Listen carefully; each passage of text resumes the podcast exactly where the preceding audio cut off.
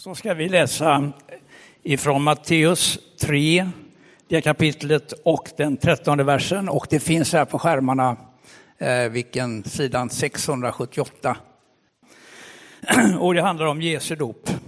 Sedan kom Jesus ifrån Galileen till eh, Johannes vid Jordan för att döpas av honom.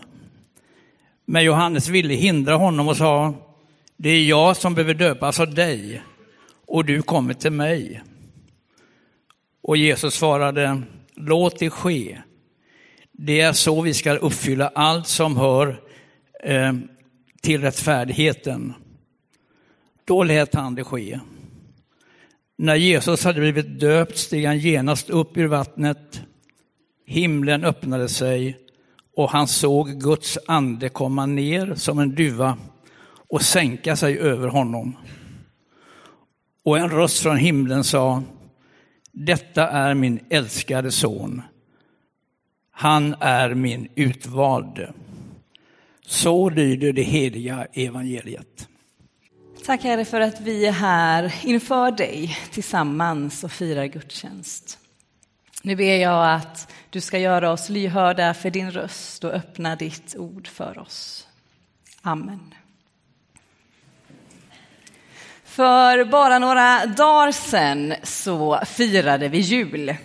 Vi firade att Guds son Jesus kommit hit till den här världen. Och igår så var det trettondag jul. Och då kan man läsa i texterna om de vise männen som kommer från öst och söker efter Guds son. Och de har letat länge, de har rest långt och man kan läsa hur de kommer till Jerusalem. För vart skulle väl annars ett kungabarn födas än i självaste Jerusalem? Men de hittar inte Jesus där. De får lite hjälp av de skriftlärda som berättar att i Betlehem står det i texten att där ska Guds son födas. Och så till slut då så kommer de vise männen till Jesusbarnet, till Josef och Maria. Så lämnar de över sina gåvor, värda en kung, guld, rökelse och myrra.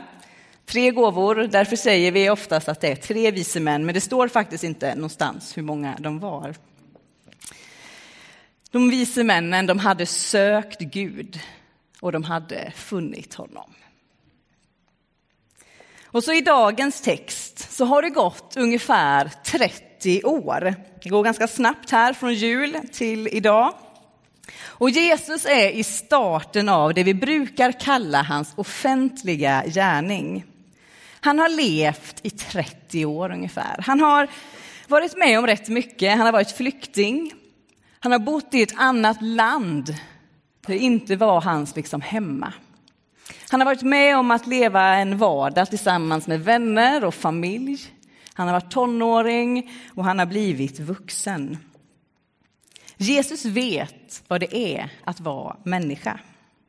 Gud valde ju att bli just det. Och nu i texten som vi precis läste så möter Jesus Johannes döparen som berett vägen för Guds son Messias. Och han har gjort det genom att hjälpa människorna att få upp ögonen för hur de lever sina liv. Och så har han döpt dem i Jordanfloden. Johannes döpte med någonting som brukar kallas ett omvändelsedop. Ett dop där man fick liksom lägga det som varit bakom sig och så fick man ta ett nytt tag. Att förbereda sig på att Guds son skulle komma. Och så kommer han nu dit till floden. Och så vill han själv bli döpt. Och jag kan nog förstå Johannes reaktion när han säger det är jag som behöver döpas av dig och nu kommer du till mig. Och Jesus svar tänker att han säger Johannes, låt det ske. Det är så vi ska uppfylla allt som hör till rättfärdigheten. Och så döps Jesus av Johannes. Jesus som var fri från synd. Han identifierar sig ännu mer med oss. Jesus behövde inte lämna det som varit och renas. Men han döps för att ta del av alla våra misstag. Han som var fri från synd, ren. Han går ner i Jordans flod, det där smutsiga vattnet tänker jag. Och så blir han genomdränkt av våra misstag, ondska och trasighet. För det är den Gud är. Gud som delar allas våra liv. Och sen så står det så här i texten, att Jesus genast stiger upp ur vattnet. Genast. Han har liksom ingen tid att förlora. Jesus vet att hans tid är rätt så knapp. Han har bara några år på sig att berätta och visa vem Gud är. Men innan han börjar sin offentliga gärning, sin vandring mot korset, döden och uppståndelsen, så öppnar sig himlen. Himlen som varit stängd. Och ner kommer Guds ande som en duva. Och man hör en röst från himlen. Detta är min älskade son. Han är min utvalde. Och aldrig förr har treenigheten visat sig på detta sätt. Fadern som talar, sonen som precis har blivit döpt och anden som sänks ner över sonen i form av en duva. Och det är då som Jesus identitet blir bekräftad. Att Jesus faktiskt är Messias som man väntat så länge på. Sen jul och fram tills idag så har vi i texterna fått möta Guds son som föds som människa in i den här världen. Guds son som är sann människa. Och samtidigt så möter vi honom som sann Gud. För det är det Jesus är, sann Gud och sann människa och man kan inte skilja det åt. Och så där i dopet, när man hör Guds faderns röst som säger detta är min älskade son, min utvalde. Identiteten bekräftas och det är där och då Jesu offentliga gärning startar. Och det startar alltså i vem Jesus är, inte i vad han gör. Och det är inte oviktigt. Det är inte oviktigt för att förstå vem Jesus är. Och det är faktiskt inte oviktigt för dig och mig heller. Att vara kommer före att göra. Att vara Guds älskade son eller dotter, att veta vem du är, kommer först. Sen kommer görandet och handlandet. Och efter dopet i Jordan, då börjar Jesus att göra. Precis innan Jesus döps, i den där korta konversationen som vi läste som sker mellan Jesus och Johannes, så kunde vi läsa i Matteus evangeliet att eh, Jesus ger lite grann en liksom förklaring till hans arbetssätt. Jag vet inte om ni hann liksom tänka på det i de korta verserna. Han säger så här till Johannes. Det är så vi ska uppfylla allt som hör till rättfärdigheten. Jesus säger vi ska.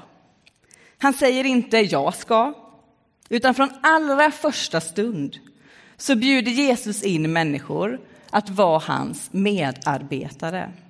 Han vill göra det tillsammans, tillsammans med Johannes. Och sen är det så han fortsätter. Han bjuder in människor längs med vägen. Människor som han möter blir lärjungar som i sin tur bjuder in människor till att möta Gud och vara med och göra skillnad. Men vi pratar inte bara om historiska händelser, det som hände då, när Jesus liksom samlade lärjungarna, utan det handlar faktiskt även om dig och mig. För på samma sätt som då så bjuder Jesus in oss att vara med. Att vara medhjälpare. Och inte nog med det, han bjuder dessutom in oss till att vara med om precis samma upplevelse som han var med om i dopet. Johannes dop där i öknen i Jordan, det var ett omvändelsedop. Det var i väntan på det som faktiskt just nu skedde. Jesus dop, det var något annat. Jesus själv var den första att vara med om det. Ett dop i den helige ande.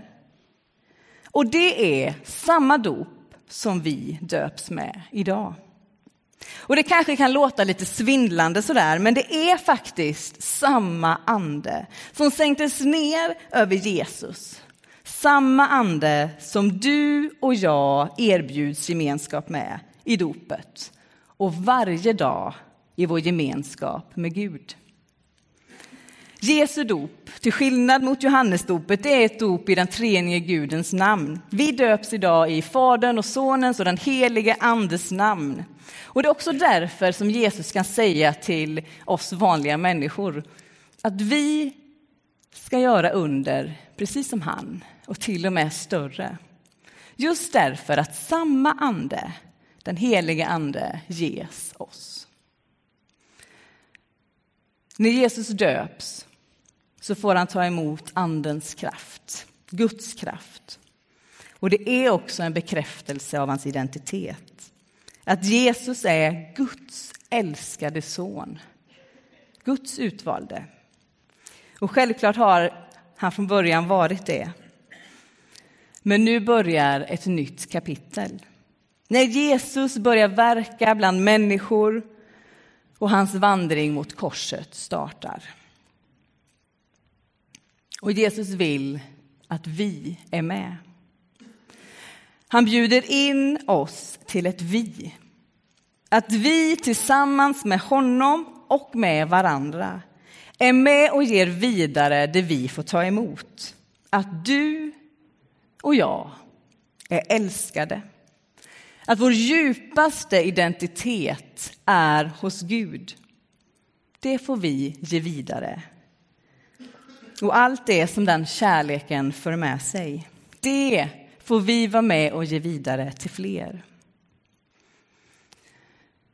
När Jesus efter sin uppståndelse möter de då ganska så rädda lärjungarna så andas han på dem och säger ta emot helig ande.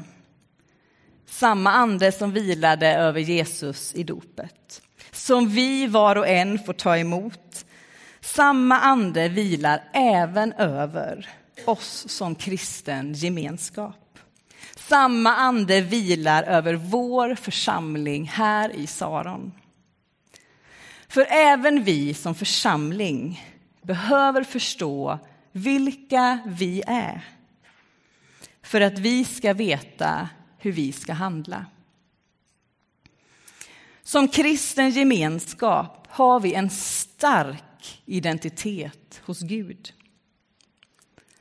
Men det är otroligt viktigt att den identiteten inte skapar ett vi och ett dom. Nej, för vår identitet är faktiskt raka motsatsen till det. Det är ett vi. Vår identitet ger oss både verktygen och uppgiften att verka för ett vi. Och då inte endast bland oss som är i den här församlingen, utan också bland andra församlingar här i Göteborg, bland människor runt om i hela vårt land. Men det slutar inte där. För vi är med och skapar ett vi bland alla människor på vår jord. För Jesus kom inte bara för en del av mänskligheten, utan för alla. Om vi återgår till gårdagens text om de vise männen. Vad berättar de vise männens resa för oss? Att Gud kom till jorden, inte bara för vissa utvalda, utan för alla folk och alla nationer. Han kom även till dem som ännu inte kände honom. Han kom till dem som ännu sökte. Och när Gud väljer att födas som människa så går Gud oss till mötes. Och så sträcker Gud ut sin hand mot oss, mot dig. Men det räcker inte med det. För du måste vilja vända dig till Gud och ta emot Guds utsträckta hand. För Gud har skapat dig och mig med en fri vilja. Och Gud vill möta oss var och en oavsett vem vi är, var vi bor, om vi vill det. De vise männen, de ville. De sökte och de fann. Jesus har kommit för hela världen. Och hela världen är inbjuden att komma till honom. Jag funderade lite grann ungefär som Mattias sa i början här av gudstjänsten, att så här i början på ett år, då tycker jag att det är lite lättare att ta ett nytt tag. Att liksom passa på att i år, då tänker jag ta tag i och läsa de där böckerna som jag vill läsa men inte har läst än. Jag skulle kunna tänka mig att rensa i garderoben och jag skulle vilja ha mer tid till att, ja, vad det nu är för någonting som man önskar ha mer tid till att göra. Och jag har insett att det är väldigt mycket lättare för mig att inte starta detta 1 januari. Då man ofta avlägger nyårslöften och sådär. Så jag har börjat de senaste åren med att säga, ja men jag liksom ger nyårslöfte eller tar tag i någonting nytt runt 13-helgen eller kanske 20 Knut.